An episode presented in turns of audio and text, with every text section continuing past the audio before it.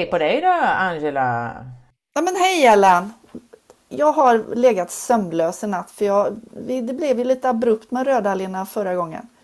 Du menar att vi hade fler rödalger att prata om? Ja, och jag bara saknar djävulstungan. Eller hur? Grattelopia turuturu. Bred djävulstunga har vi föreslagit som namn faktiskt, för att det finns några fler arter där och det kan vara bra att kunna skilja dem åt.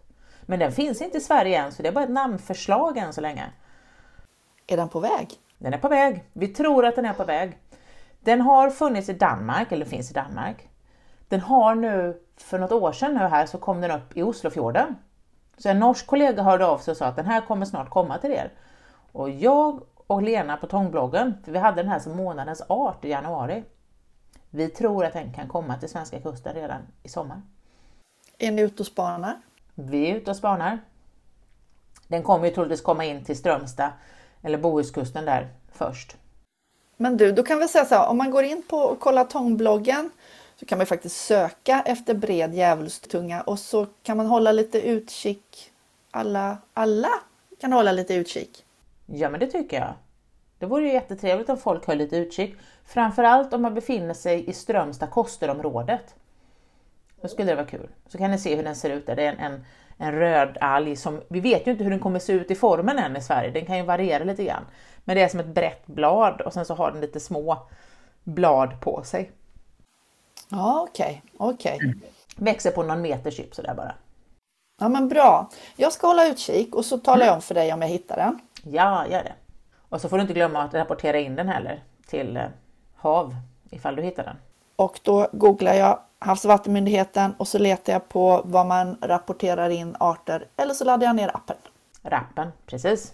Appen Rappen. Ja, så det kan bli spännande. Det kan vara årets happening. Vi får se. Men vad vet vi om den här då? Turu turu. Jo, när vi pratade förra veckan så pratade vi lite grann om vad de har för egenskaper, de här arterna som inte bara är främmande utan också kan bli invasiva. Och det är just det här att de har en motståndskraft, eller att de kan anpassa sig till olika miljöer, men också att de har en ganska rejäl reproduktionshastighet, vilket gör att de kan sprida sig snabbt. Så tittar vi på Gratelopia turuturu så har den ett väldigt brett temperaturområde, 4 till 29 grader. Det är ett ganska rejält spann. Jaha du. Salthalsmässigt så är den inte lika tajt, det är 22 till 37 så den kommer ju inte komma in i Östersjön men vi ser ju att den kan komma en ganska bra bit ner längs Hallandskusten i alla fall. Mm. Och det har visat sig att den hotar faktiskt flera inhemska arter. Det verkar som många rödalger har ju ganska mycket kemikalier i sig, vilket kan påverka betare och andra alger negativt. Men, men hörru, alltså jag fastnar lite grann för det här med, med 4 grader. Den ska ju alltså åtminstone potentiellt kunna överleva vintern här. Jajamän. Och det är ju det. På grund av det här så har ju den här arten som ursprungligen kommer från Japan, den har ju alltså ett kosmopolitiskt distributionsmönster. Den finns överallt. Men fram till 2002 var den taxonomiska identifieringen av Gratelopia turuturu felidentifierad med en annan art, Gratelopia dorifora. Sen så satte man en forskargrupp på att titta molekylärt på det och då kunde man se vem som var vem. Det här är ju bara ett problem på platser där du har bägge arter. Vi har ingen art i svenska vatten, mig veterligen idag, som påminner om Gratelopia turuturu. Så kommer den hit så kommer vi se att det här är någonting som är nytt. Men det här var genom herbariematerial? Ja, för att den första förekomsten av Gratelopia kunde man då, 2002, kunde man bestämma att den kom till Europa först 1982. Och det måste man ju då ha gjort genom att man använt herbariematerial som man sedan har tagit DNA-prover från. Så än en gång så understryker vi vikten av ett välpressat herbarium. Mm. Så om du har ett eh, herbarium liggande som kanske är 50 år eller äldre så kan det ju finnas riktiga rariteter där. Kan vara en liten skattkista för en genetiker. Så släng dem inte. Nej, nej, absolut inte. Det här är någonting som man kan tvångsärva ner till barn och barnbarn. Utmärkt. Ja.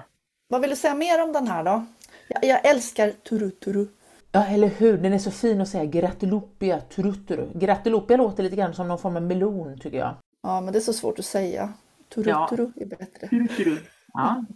Man tror ju att den har introducerats till andra områden just genom förmågan att växa faktiskt på båtskrov eller på ostronskal. Och som vi har pratat om innan också, vilken alg väljer inte att växa på ett ostronskal om den får möjligheten? Och så är det ju en rödalg, så den har två typer av sporer, den har karposporer och den har tetrasporer. Och sporerna är ju jättebra, små, de är ju till för att spridas, de är till för att klara tuffa miljöer. Så den har alla förutsättningar att kunna åka på barlastvatten eller i barlastvatten, i en liten hink med vatten. Och som sagt, den kan växa på ett båtskrov. Kan jag äta den då? Kan jag äta den mer än en gång om vi säger så? jag tänkte precis säga det. Den har ju faktiskt fördelen den är ätlig och den anses också vara god i Asien för den kommer från Japan och där äter man den.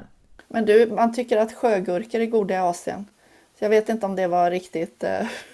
Nu ska vi inte vara sådana. och jag tycker om att äta häst så att du vet hur det är. Ah, ja, okej okay då. Mm. Ja, men eh, gillar jag den här då tror du? Jag tror att du gillar den faktiskt. Jag är väldigt nyfiken på den och jag tänker mig att den kanske, den är ju hyfsat nära släkt med porrfyrarterna.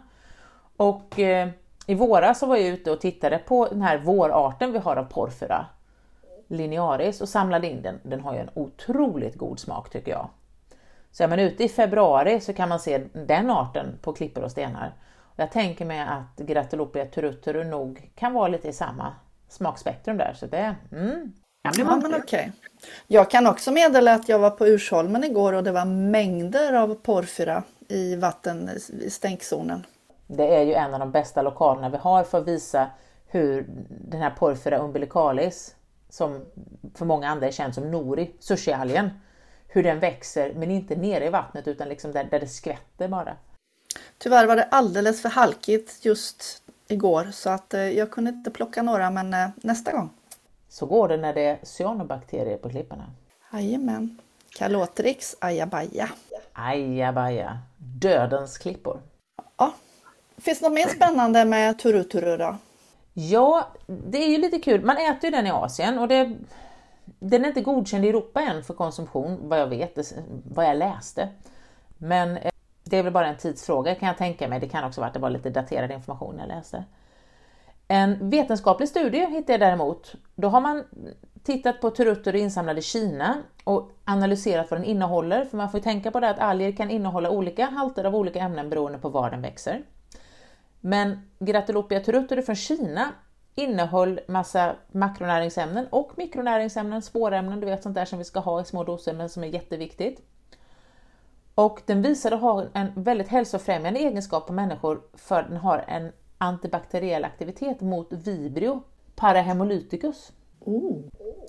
Det är ju inte dumt. Nej, absolut inte. Vi har ju pratat om det lite då och då nämnt att alger faktiskt kan vara bra på många sätt och det finns en hel del ännu outnyttjade resurser i havet vad det gäller medicin och sånt här. Mm. Absolut, ja. Så det här är ju intressant. Jag menar, alger är, tror jag, en väldigt stor källa till mer kunskap kring bland annat medicin. Mm, precis. Men du, eh, vi har ju en, eh, den här eh, som kommer från Australien som väcker lite intresse i Sverige just nu. Mm, du tänker på asparagopsis? Ja, vad kan du berätta om den? Ja, den, den kan vi nog prata båda två med en bra stund. Det är ju ett släkte som har flera arter som har spridit sig från Australien och som har orsakat problem på andra platser. Det är ju en, en grenad, lite så rufsig rödalg Tittar vi på Asparagopsis armata så introducerades den med flit i Europa på grund av den höga efterfrågan. Man behövde mat 1920, på Irland framförallt. Inte Sverige, där har vi inte den va? Nej, där har vi den inte. Utan det här, här var ute i Atlantkusten. Och som jag förstod det så var det framförallt Irland som man, man tog dit den för att man behövde den som en födokälla för man visste att den åts i Asien. Den innehåller ju höga halter protein. Och sen upprätthölls förekomsten av arten eftersom man odlade den i vattenbruk på Irland och då ledde det till att den spreds runt brittiska öarna och sen vidare längs europeiska Atlantkusten. Den är ju alltså, den är inte dålig. Vi, vi äter den, vi har nytta av den, den är framförallt rik på spårämnen. Äter man den här arten i, i små mängder så är det ett, ett bra komplement till den dagliga kosten.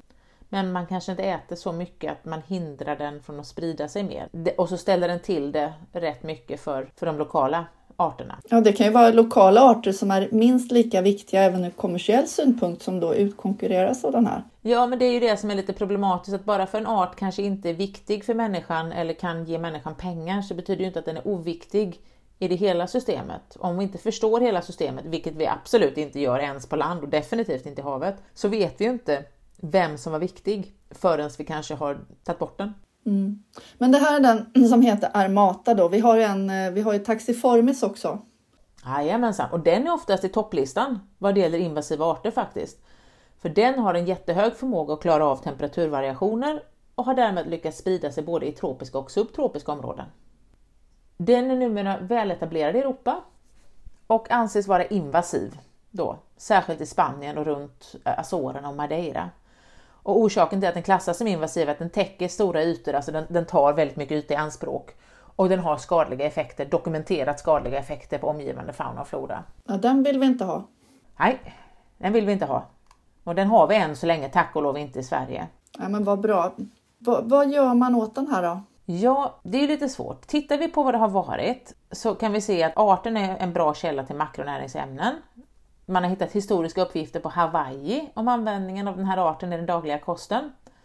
Så när den kom till Europa så började man utveckla många recept, som olika soppor, sallader eller så äggröra, du vet, skramlade ägg med den här i för att liksom se att men, den här, fine, kan vi skörda den och få betalt för det så kanske vi kan hålla den i schack. Det har väl inte gått sådär. Jag har inte hittat några produkter med den i. Och jag håller ju ändå lite koll på algprodukterna.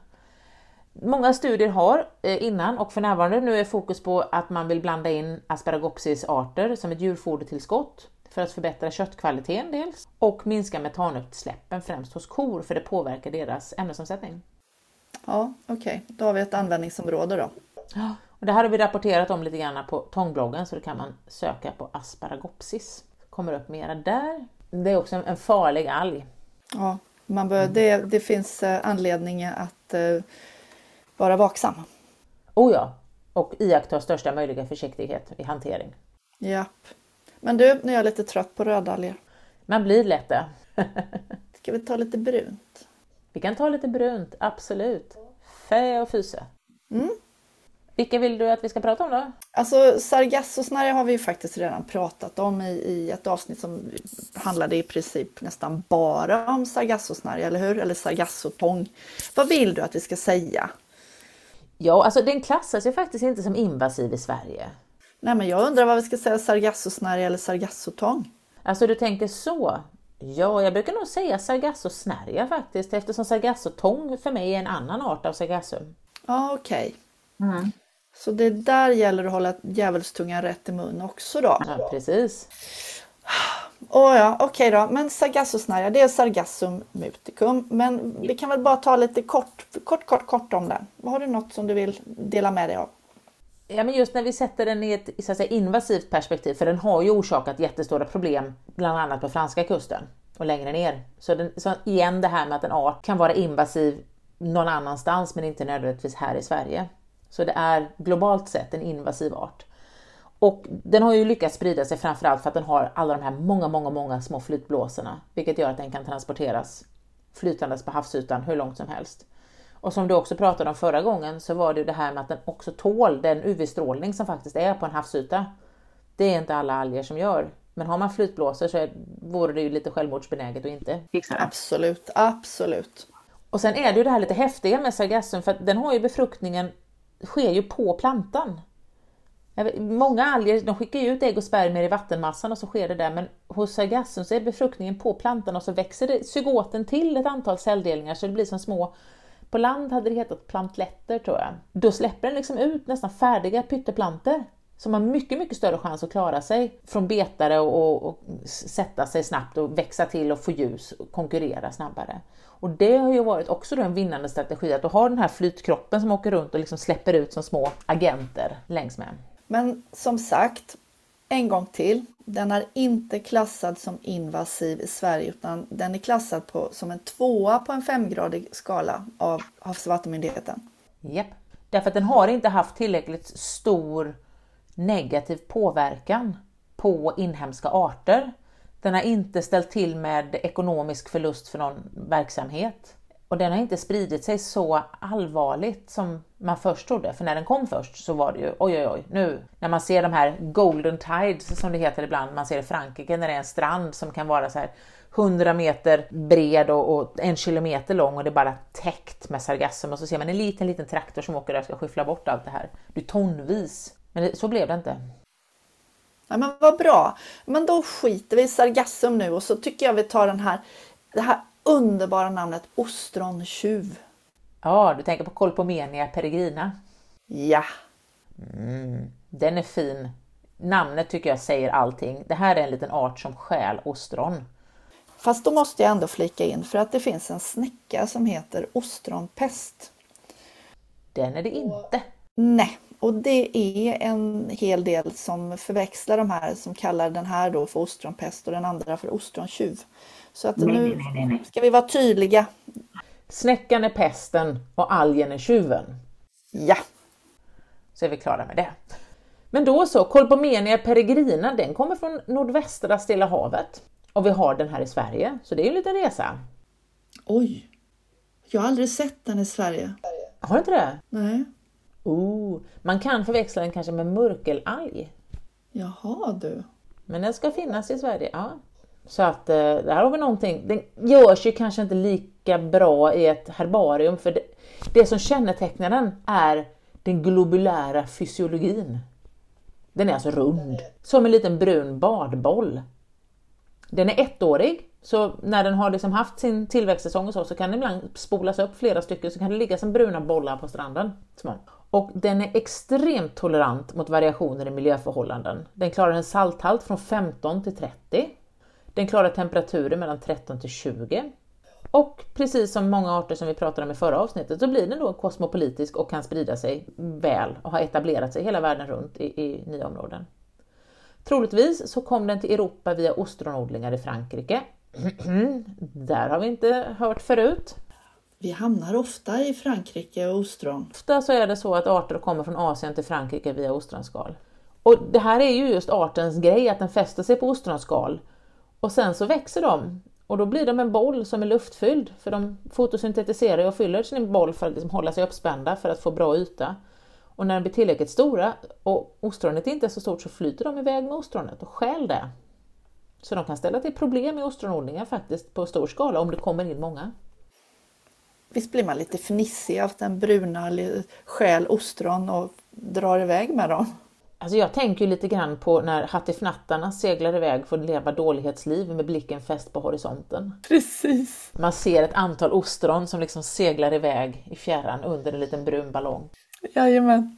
Ja, det är något poetiskt över det hela. Ja, det tycker jag. Men vi har en brunalg till som man kanske faktiskt inte tänker på att den är klassad som invasiv i flera länder. Det är en art som vi inte har i Sverige ännu, men på Stilla havskusten i USA så har de väldiga problem med den. Den heter Undaria pinnatifida. Och det kanske Ja. inte säger en svensk så mycket, men eh, vad tänker du på? Jag tänker på misosoppa. Ja, för det här är nämligen wakame. Och jag tänker också på en förpackning som jag ser framför mig där det står stora bokstäver sjögrässallad. Och så vänder man på den och så står det innehåller förteckning wakame. Och så Ja. blir jag trött och ledsen. Och det här är ju, då kan vi hänvisa till första avsnittet i den här podden, när man har felöversatt seaweed med sjögräs.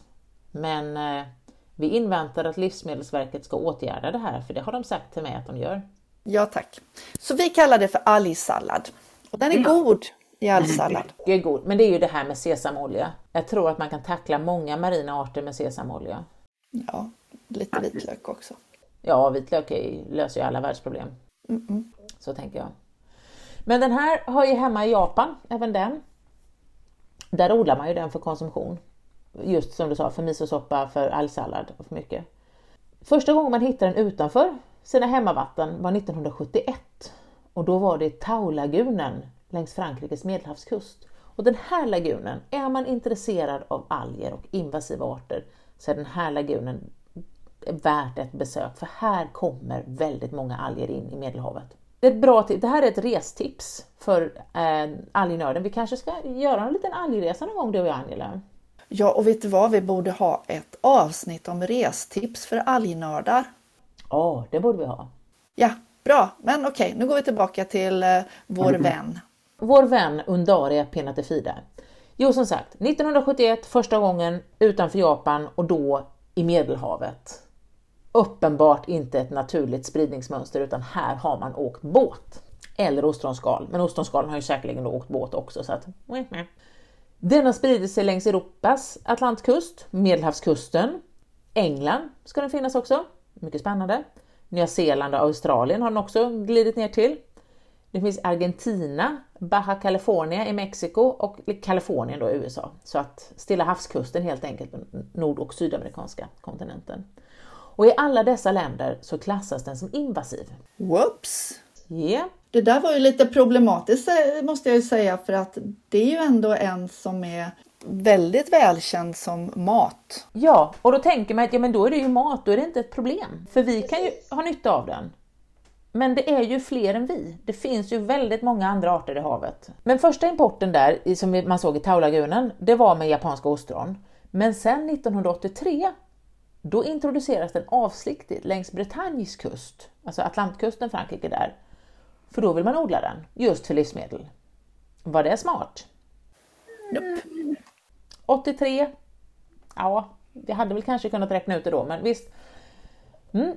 Men man vet inte vad källan till den kaliforniska populationen och, och USA-kusten där, vad den är. Den har man inte undersökt än. Det får man göra genetiskt och se, kom den från Europa eller kom den från Japan?